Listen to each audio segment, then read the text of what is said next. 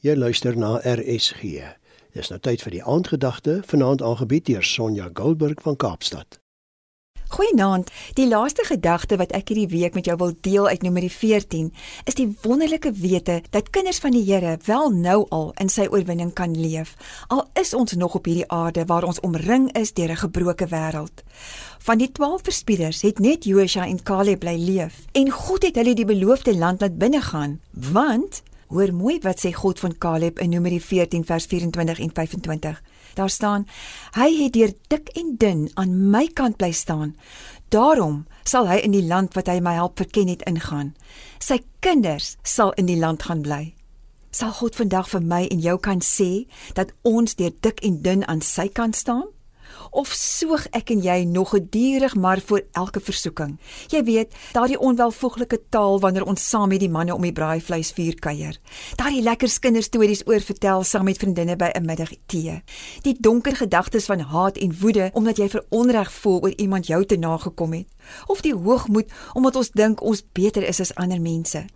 Gelukkig is daar vir ons as Nuwe Testamentiese gelowiges hoop.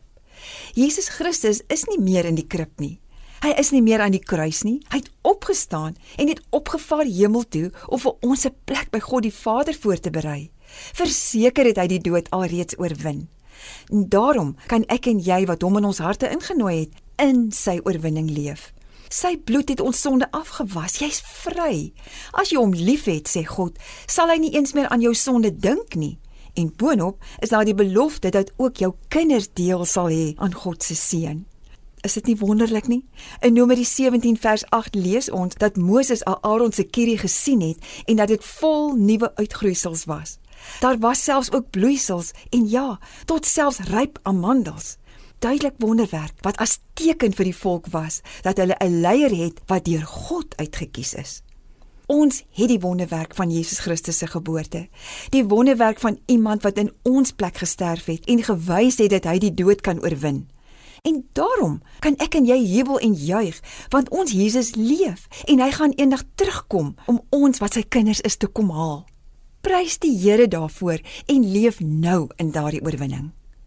My Hemelvader, dankie dat U seun vir ons die wonderwerk kan wees wat vir ons hoop bring en daarom vir ons in oorwinning kan laat leef. Help my asseblief dat ek deur dik en dun by U sal staan sodat ek nie moed verloor en langs die pad uitsak nie. Amen. Dit was die aandgedagte hier op RSG, aangebied deur Sonja Goldberg van Kaapstad.